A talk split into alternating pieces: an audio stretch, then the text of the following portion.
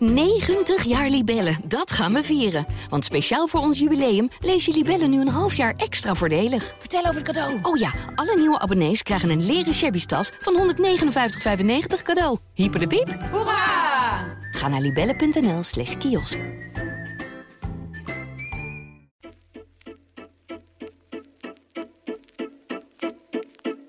Hallo, dit is Haags Half Uurtje, de politieke podcast van Trouw. Mijn naam is Christel Smit. Na een dag uitstel wegens een zieke premier Rutte was er woensdag een groot Tweede Kamerdebat over de uitslag van de provinciale statenverkiezingen. Zo heette dat debat tenminste formeel. Maar het ging eigenlijk over iets veel groters, namelijk de overlevingskansen van het kabinet Rutte 4. Politiek redacteur Wilma Kieskamp heeft dat lange debat tot in de vroege uurtjes gevolgd, niet waar Wilma? Dat klopt. Uh, en daarom extra fijn dat je hier bent. Uh, welkom. Um, om even te beginnen met een vraag uh, voor de luisteraars die dat niet allemaal hebben gevolgd. Waar hebben wij nou precies naar zitten kijken, al die uren?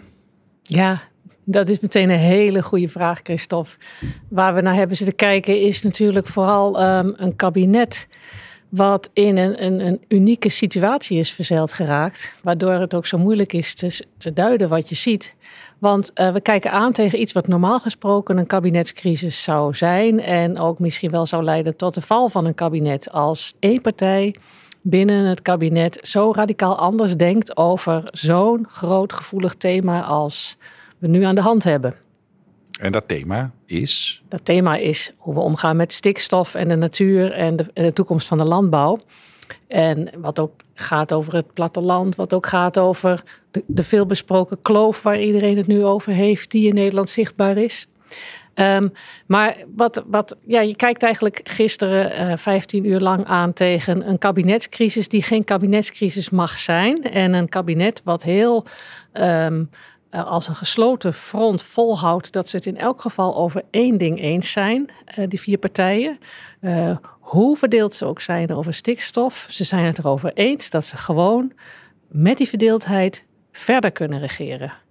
En um, ja, dat, dat, is een, dat hebben we nog nooit eerder meegemaakt. En daarom weet ook eigenlijk niemand hoe dit verder zal gaan. Nee, precies. Maar als je nu even een, een foto zou moeten maken, een politieke foto van, van dit moment. Waar staan we dan precies in, die hele, in, dat hele stikstof, in die hele stikstofcrisis? Waar we staan bij stikstof is dat um, er um, na heel veel soebatten uh, uh, plannen liggen om hoe de natuur beter beschermd kan worden en hoe boeren toch op een uh, andere manier wel verder kunnen. En dat het CDA nu opeens gezegd heeft, vlak na de verkiezingsuitslag. Wij vinden de huidige stikstofplannen van het kabinet, um, die kunnen wij niet dragen. Zo zei uh, Wopke Hoekstra dat gisteren zelfs letterlijk in het debat. Die kan het CDA niet dragen. En normaal gesproken is zo'n aankondiging uh, aanleiding om binnen het kabinet dan onmiddellijk dat te gaan oplossen. Maar nu is het bijzondere dat het CDA heeft gezegd: we kunnen het enerzijds niet dragen, maar anderzijds gaan we nog wachten uh, tot we uh, daar een knoop over door willen hakken. Dus dat hangt, ja, ik had het beeld op een gegeven moment ook in mijn artikel, uh, mijn verslag.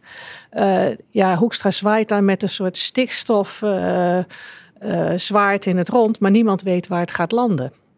En, en, en die situatie die gaat ook een onbekende tijd duren. Het kan zijn dat het binnenkort vanzelf zich oplost. Het kan zijn dat, er, dat het een dramatisch conflict wordt. En dat weten we allemaal niet. Maar daardoor is het ook heel ongrijpbaar geworden. Oké, wat we ook zagen deze week is, uh, uh, er zijn iets van 16 oppositiepartijen. Die, gaan, die vliegen alle kanten op, van links naar rechts. Maar dit keer waren ze behoorlijk eensgezind, als één blok. Hoe opmerkelijk, hoe opmerkelijk was dat? Wat je zag gebeuren was dat s ochtends de oppositie zich ferm voorgenomen had... wij gaan als één front het kabinet confronteren met het feit dat deze situatie politiek zo onduidelijk is dat het gewoon niet kan. En um, ze, kwamen met, ze zijn met z'n allen bij elkaar gekomen, uh, de oppositiefracties, van Geert Wilders tot Caroline van der Plas tot um, Adje Kuiken tot Jesse Klaver.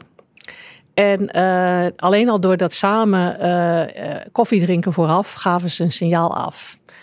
Nou is het wel zo dat die oppositie onder, over de inhoud van het stikstofbeleid verschrikkelijk verdeeld is. De een wil het meer naar links buigen, de ander meer naar rechts buigen. Maar over dat ene aspect van het is nu onduidelijk hoe het verder gaat met het stikstofbeleid, daarover zijn ze het wel eens. En die kaart hebben ze gisteren met een hele grote klap op tafel gelegd.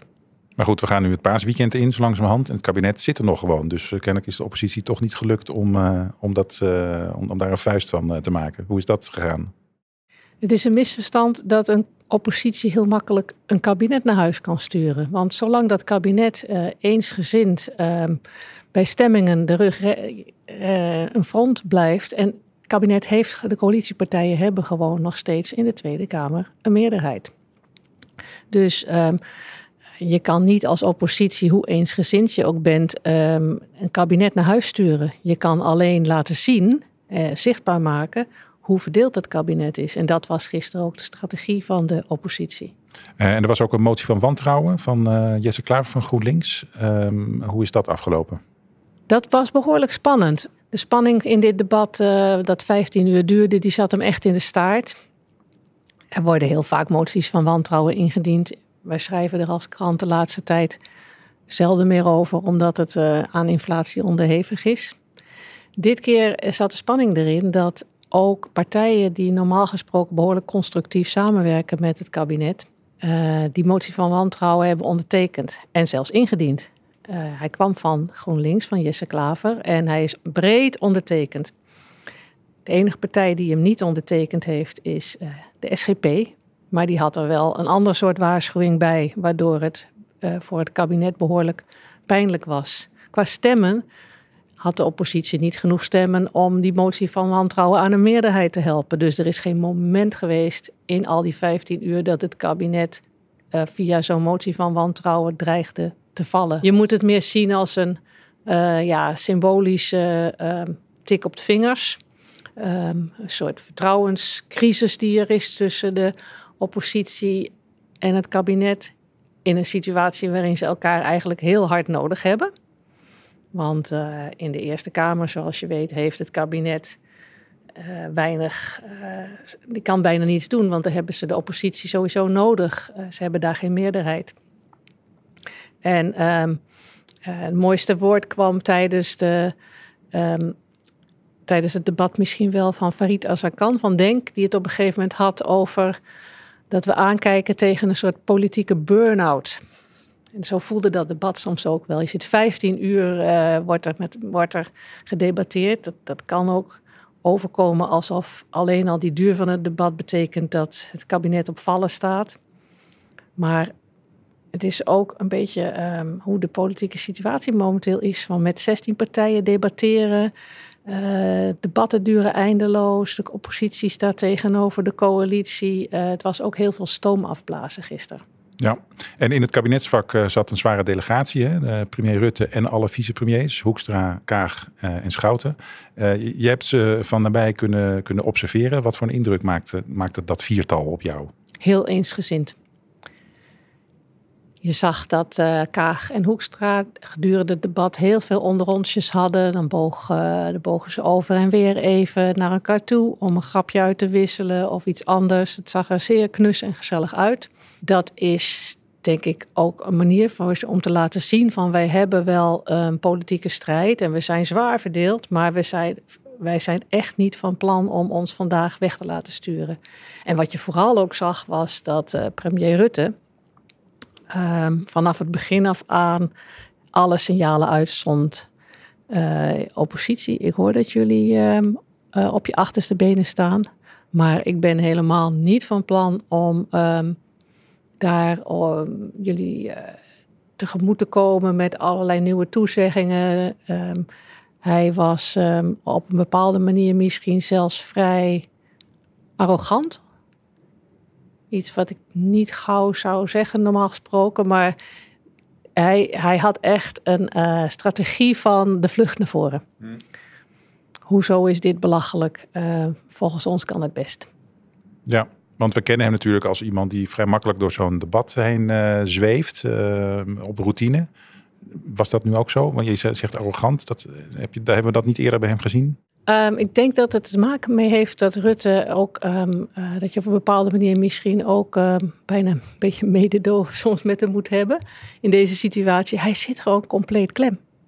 Hij, heeft een, uh, hij leidt een, uh, een, kabinet met vier partijen, waarvan één partij heeft gezegd op dat allergevoeligste, het aller, allergevoeligste onderwerp wat we momenteel hebben, dat, daar kunnen wij het beleid niet dragen en daar willen wij over een tijdje gaan heronderhandelen. En Rutte die kan niet anders momenteel dan dat verdedigen. Want als hij gisteren had gezegd, ja, ik vind het eigenlijk ook heel raar dat wij nu binnen de coalitie zo verdeeld zijn en, en daar niet uitkomen, dan was hij natuurlijk weg geweest. Dus het enige wat hij kon doen was die vlucht naar voren. Er is niets aan de hand. En dat zag je dus ook in zijn manier van beantwoorden.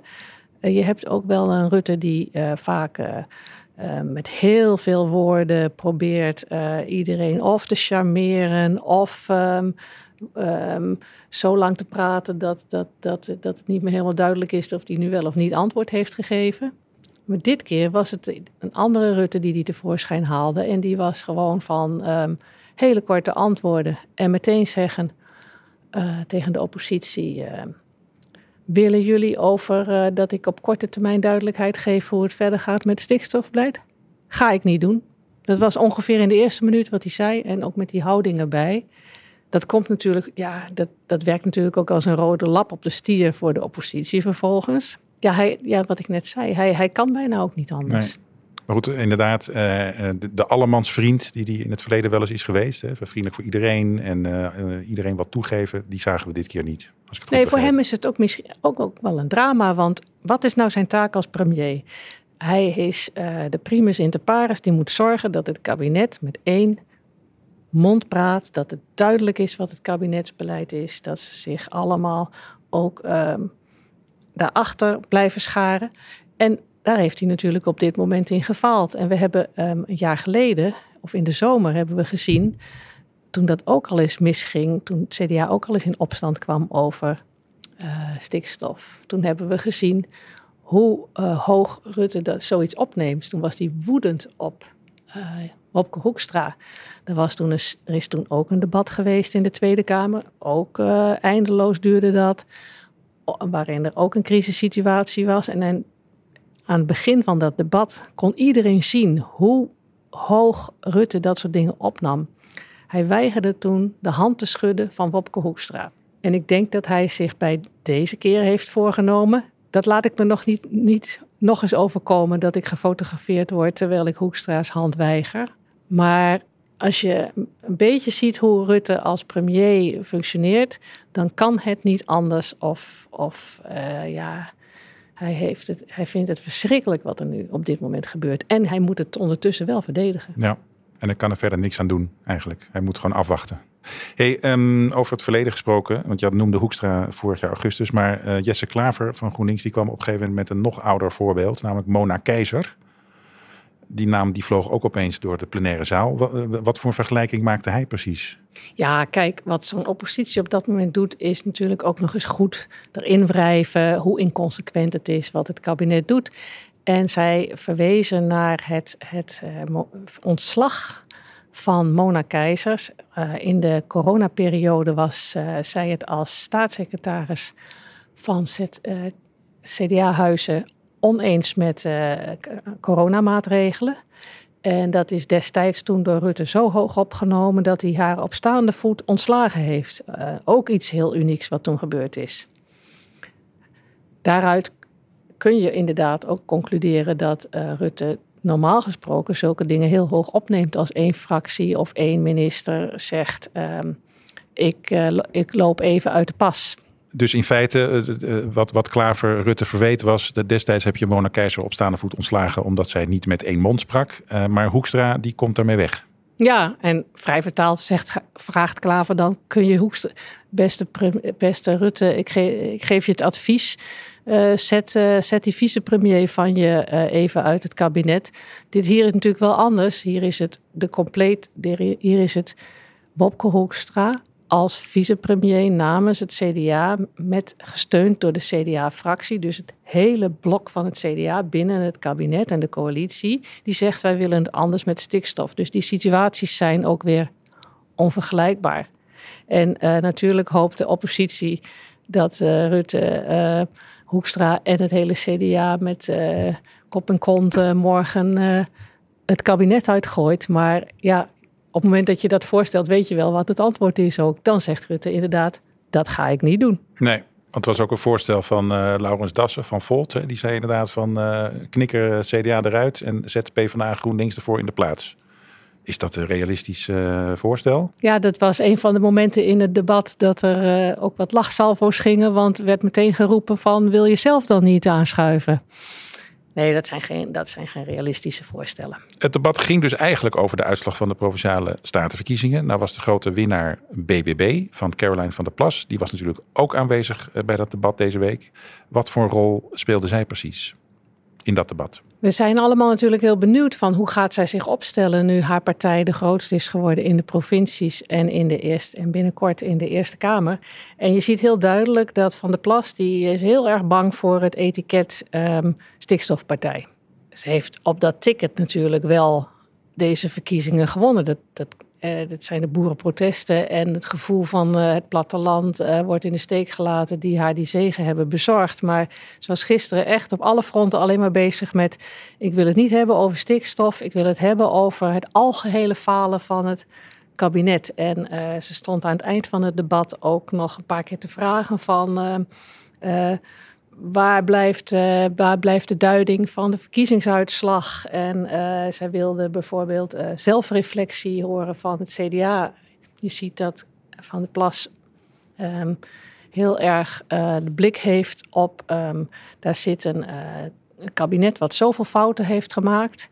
En daar zitten partijen die in het verleden, heden en het verleden heel, zoveel fouten heeft gemaakt dat zij wil eerst van hen horen uh, dat zij dat zelf erkennen. Dat is haar huidige agenda. In die zin vond ik het ook wel interessant dat je uh, al een beetje zag van hoe gaat zij zich misschien opstellen. Um, als het kabinet haar nodig gaat hebben, in de, bijvoorbeeld in de Eerste Kamer of in de provincies. Op dit moment zie je Van, de Plas vooral bezig met: ik wil afstand creëren van het kabinet. Het het heftigste moment was misschien wel dat ze, op, dat ze het CDA werkelijk uh, um, op alle kanten om de oren heeft geslagen over alle fouten die die partij uh, heeft gedaan. Ze stond op een gegeven moment met, had ze uh, kleine memobriefjes bij zich en daar had ze opgeschreven welke maatschappelijke en politieke misstanden in het heden en verleden door het CDA allemaal gecreëerd waren. Van Groningen, toeslagen, schandaal, armoede, wachtlijsten. En elke keer kwam er weer zo'n zo'n briefje tevoorschijn. Uh, het leenstelsel, de vastgelopen GGZ, eh, de verdwenen bushaltes, uh, coronamaatregelen. en op een gegeven moment werd het zelfs ook heel schril toen ze het had over jongeren die een einde aan hun leven willen maken of dat daadwerkelijk doen. dus dat, dat werd ook door het CDA toen vervolgens niet gepikt. Maar je, je ziet wel dat ze er dus heel, heel hard in gaat. Op alle terreinen, dus niet alleen stikstof inderdaad. Ja, uh, ja. en de VVD heeft ze weer een andere klacht. Daar, uh, daar zegt ze de uh, die, heeft, die heeft mijn partij continu genegeerd in de verkiezingscampagne. En daar wilde zij het ook nog heel graag over hebben. Oké, maar als je het hele debat overziet, uh, was zij niet heel dominant, toch? Wat ik ervan heb gezien. Zij, was niet, zij liep niet bij elke gelegenheid naar de interruptiemicrofoon. Nee, dat past blijkbaar in haar strategie, om, omdat het debat ging heel veel over stikstof.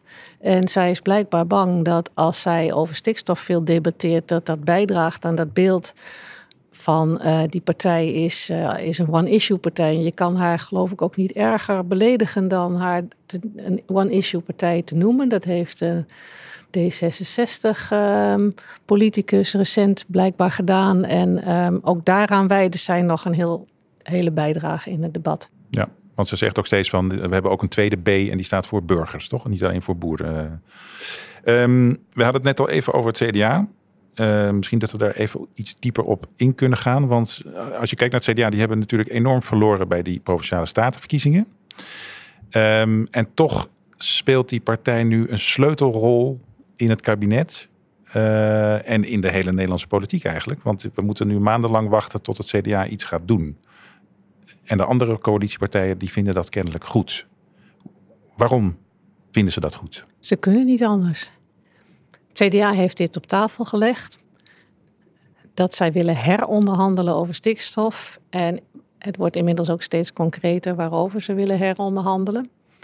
Je ziet ook dat het CDA in, in uh, woordkeus uh, steeds ook het zwaarder aanzet. Ik noemde net al dat Bob Hoekstra bij het debat aan het in de late uurtjes opeens ook met een vrij sterke uitspraak kwam van wij kunnen dit niet meer dragen. Dat zijn normaal teksten. Dan, dan, dan denk je nou, ze, ze gaan morgen naar de koning om hun ontslag in te dienen. Maar de andere partijen die, um, die, die kunnen eigenlijk niet anders dan um, wachten wat er nu verder gebeurt. Omdat het alternatief is dat ze ofwel elkaar nu het mes op de keel zeggen, zetten en zeggen we moeten er nu uitkomen en dat wordt een bloedbad.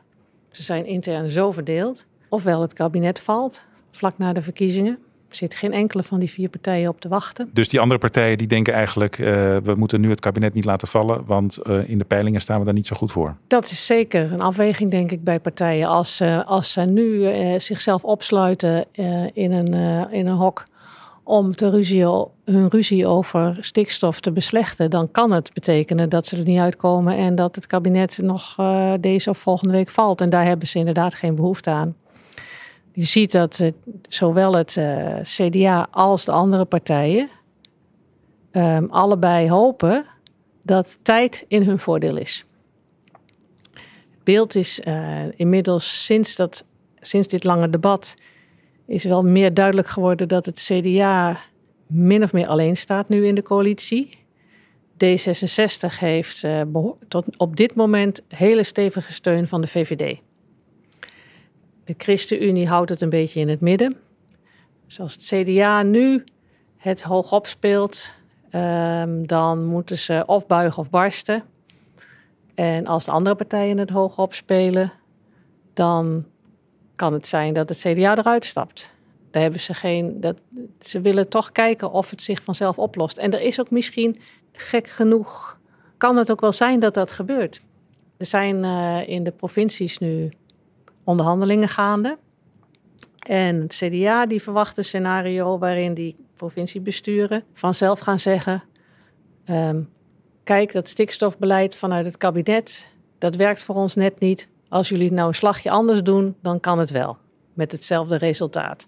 D66 heeft al gezegd dat zij geen enkele reden zien waarom die provinciebesturen het heel erg zouden kunnen versoepelen, dat stikstofbeleid. En daar is al de voorspelling uh, dat zij juist optimistisch zijn over een ander scenario, namelijk dat de provincies vanzelf zeggen: als we succes willen maken met stikstof terugdringen en de natuur beschermen, dan moeten we vanzelf wel uh, binnen die behoorlijk ambitieuze kaders van het kabinet blijven werken. Nou, of het ene scenario komt uit, of het andere scenario komt uit. En uh, dan kan het natuurlijk ook gewoon zijn dat het in de coalitie ook zichzelf van op, vanzelf oplost. Doordat dan een van die twee partijen, D66 of CDA, moet gaan zeggen: Nou ja, um, het is toch misschien anders gegaan dan ik dacht. Maar daar moeten we dan misschien nog eens over praten. Ja, en in die provincies is de BBB natuurlijk wel overal de grootste geworden. Maar zij moeten uh, samenwerken met partijen die toch wel een uh, flinke stikstofaanpak uh, voorstaan. Dus wordt de soep misschien niet zo heet gegeten als die wordt opgediend wat betreft stikstofweerstand? Dat is heel moeilijk te zeggen. Op de, de eerste tekenen die je ziet in de provincies zijn dat er coalities, onderhandelingen beginnen waarin er wel ehm, vooral rechtsgeoriënteerde partijen het grootste deel van de coalitie gaan bepalen. En die hebben gewoon bezwaren tegen het huidige stikstofbeleid.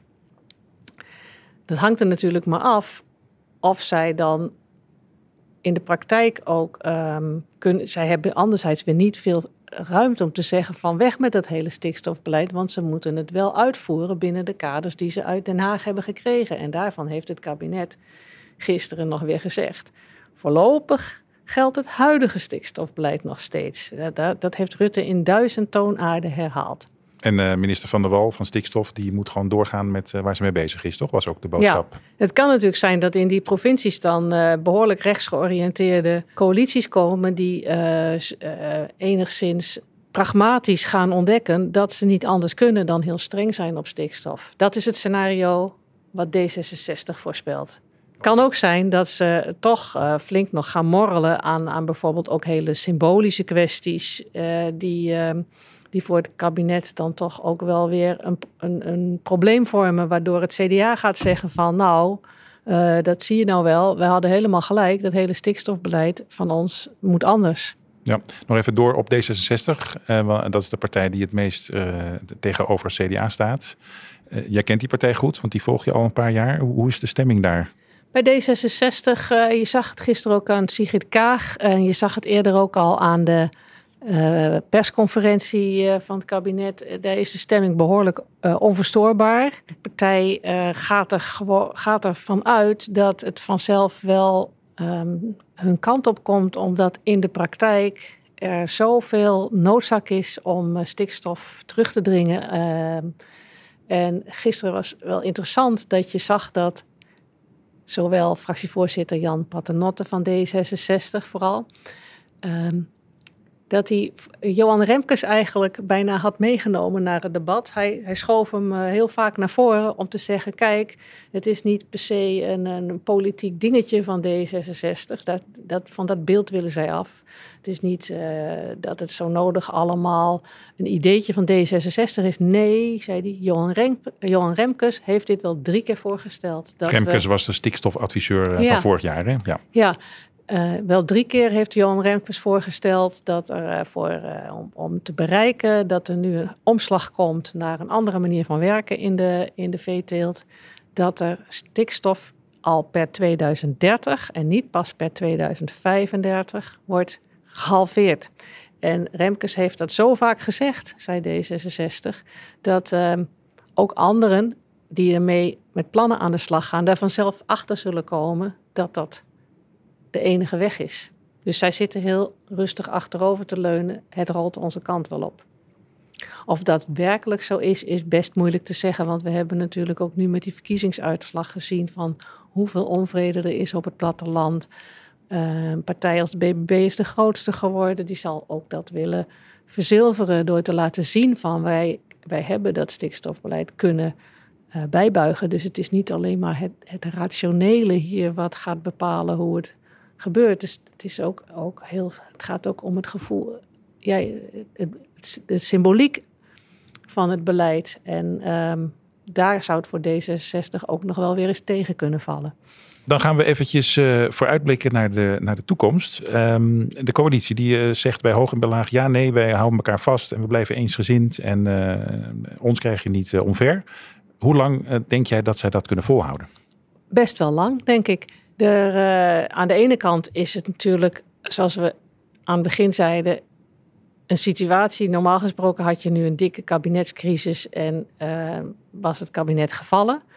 Het is heel uniek wat, er nu, wat ze nu aan het proberen zijn. Er valt in die zin weinig over te voorspellen. Anderzijds zie je dat dit kabinet is al sinds... Het zijn vier partijen die al, al zes jaar met elkaar samenwerken... en al gigantisch vaak allerlei uh, schier onmogelijke meningsverschillen hebben moeten overbruggen. En dat is ze dan heel vaak op, op, op het nippertje toch vaak wel weer gelukt. Dus ze hebben daar zelf, zolang zij zelf willen dat ze verder gaan, um, gaan ze daar wel ver mee komen, denk ik. Kunnen natuurlijk omstandigheden zijn die het ingewikkelder maken. En deze situatie is ook wel heel uniek. En er, er, hoeft natuurlijk ook maar een bananenschil op te duiken die we niet voorzien hebben. Dan kan er ook weer van alles gebeuren. De eerste test komt uh, volgende week al. Dan uh, is er, uh, en de weken daarna, dan is er een, dan moet het kabinet en de coalitie moeten, moeten met een reactie komen over Groningen en de gaswinning en de parlementaire enquête daarover dat is een onderwerp waar ze onderling helemaal niet over verdeeld zijn. Dus je zou zeggen, nou, dat is makkelijk. Alleen daar gaat de oppositie natuurlijk zeggen van, leg dat langs de meetlat van, kan het kabinet hier dan wel iets presteren als we zo ontevreden zijn over hoeveel dossiers uh, er geen vooruitgang is, als het zo vastgelopen is in het toeslagenschandaal, als het met de stikstof uh, zo hopeloos uh, ingewikkeld is geworden. Groningen wordt dan een soort meetmoment van kan, dat, kan deze coalitie nog een beetje daadkracht tonen. Als ze dat verkeerd doen, dan, uh, ja, dan zit je zo weer aan te kijken tegen een debat wat heel lelijk is.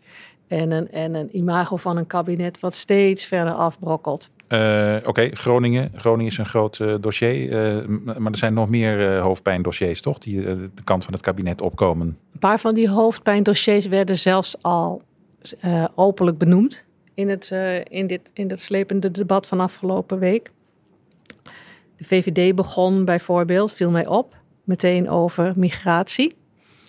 Daar, daarvan moet, daar moet het kabinet ook nog hele moeilijke beslissingen nemen.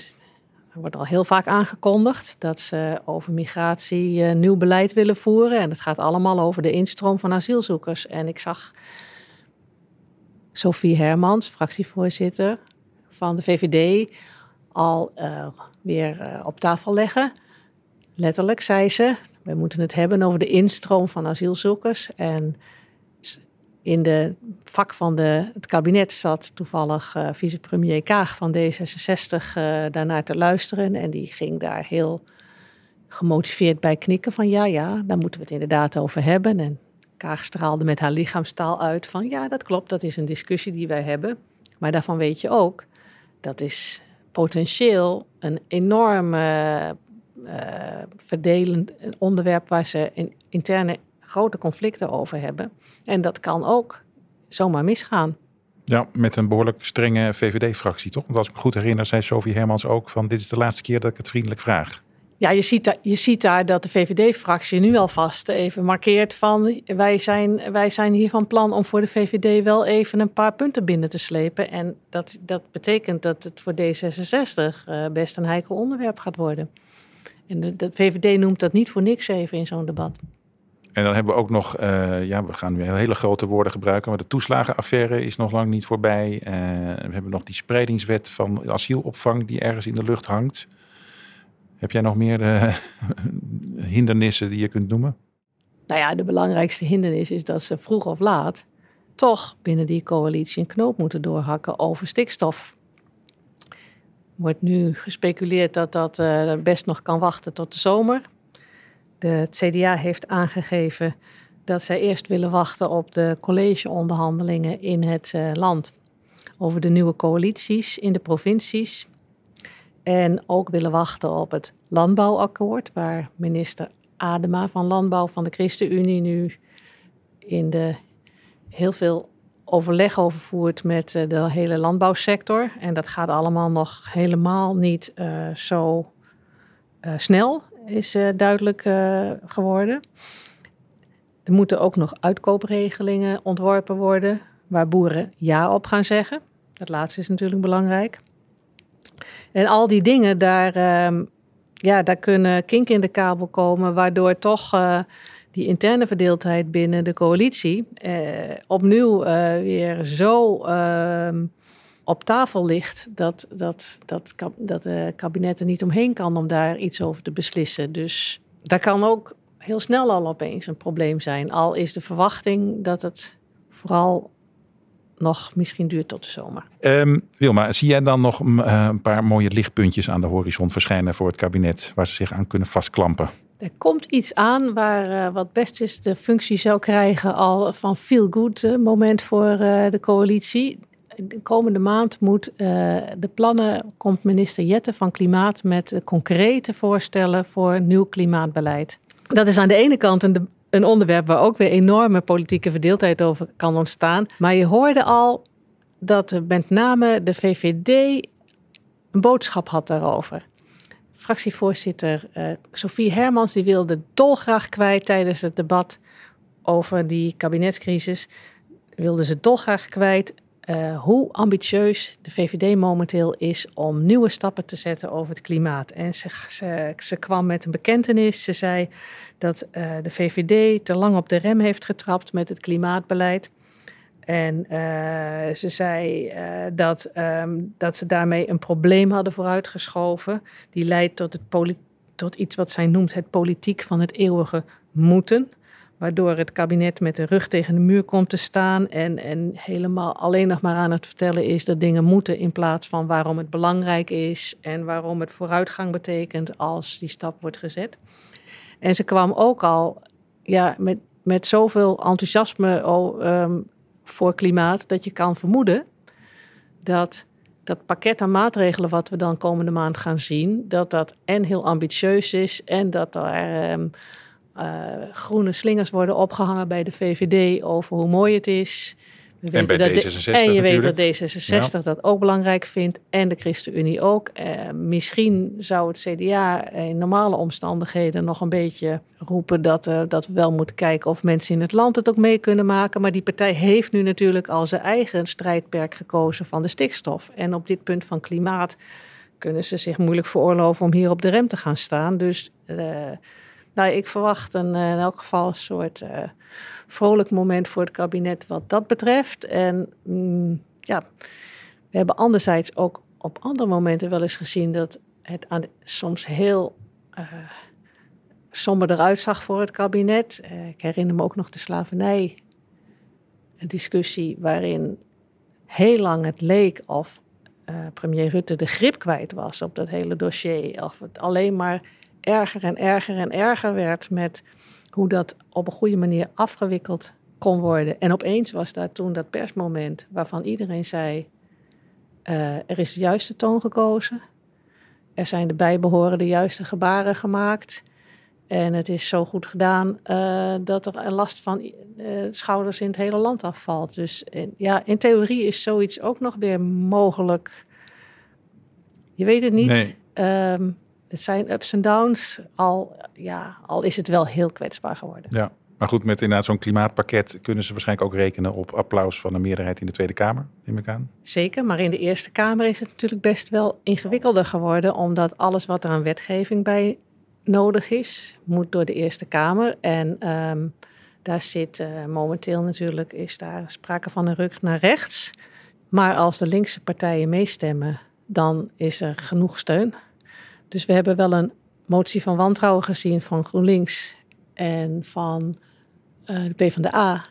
Maar anderzijds kan je ook niet voorstellen dat Jesse Klaver straks zegt: um, Ik ga voor straf dat klimaatpakket wegstemmen. Dat, dat, ze zullen dat inhoudelijk bekijken en er uh, misschien wel nog wat op willen bijsturen. Dus misschien krijgen we ook nog weer hele interessante onderhandelingen wat dat betreft. Maar goed, dan staat het kabinet er wel redelijk uh, stevig bij, bij dat verhaal. Bij dat verhaal ja. misschien wel, ja. maar stikstof blijft, blijft de Achilleshiel. Oké. Okay. Oké, okay, met die uh, gemengde, positieve, genuanceerde uh, noot sluiten we af. Dankjewel Wilma voor je heldere verhaal. Dankjewel Christophe. Uh, dit was Haags half uurtje voor deze week. Uh, mijn naam is Christophe Smit en deze podcast werd gemaakt door Charlotte Verlauw en George Paul Henneberke.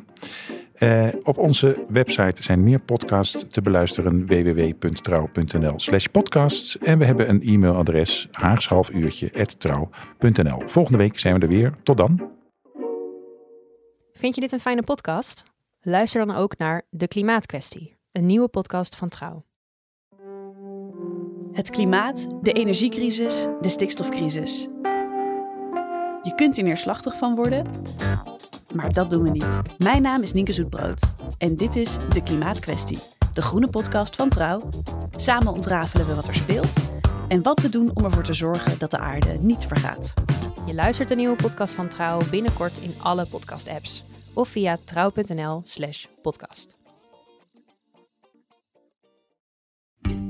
90 jaar Libellen, dat gaan we vieren. Want speciaal voor ons jubileum lees je Libellen nu een half jaar extra voordelig. Vertel over het cadeau. Oh ja, alle nieuwe abonnees krijgen een leren shabby tas van 159,95 cadeau. Hyper de piep. Hoera! Ga naar libellen.nl slash kiosk.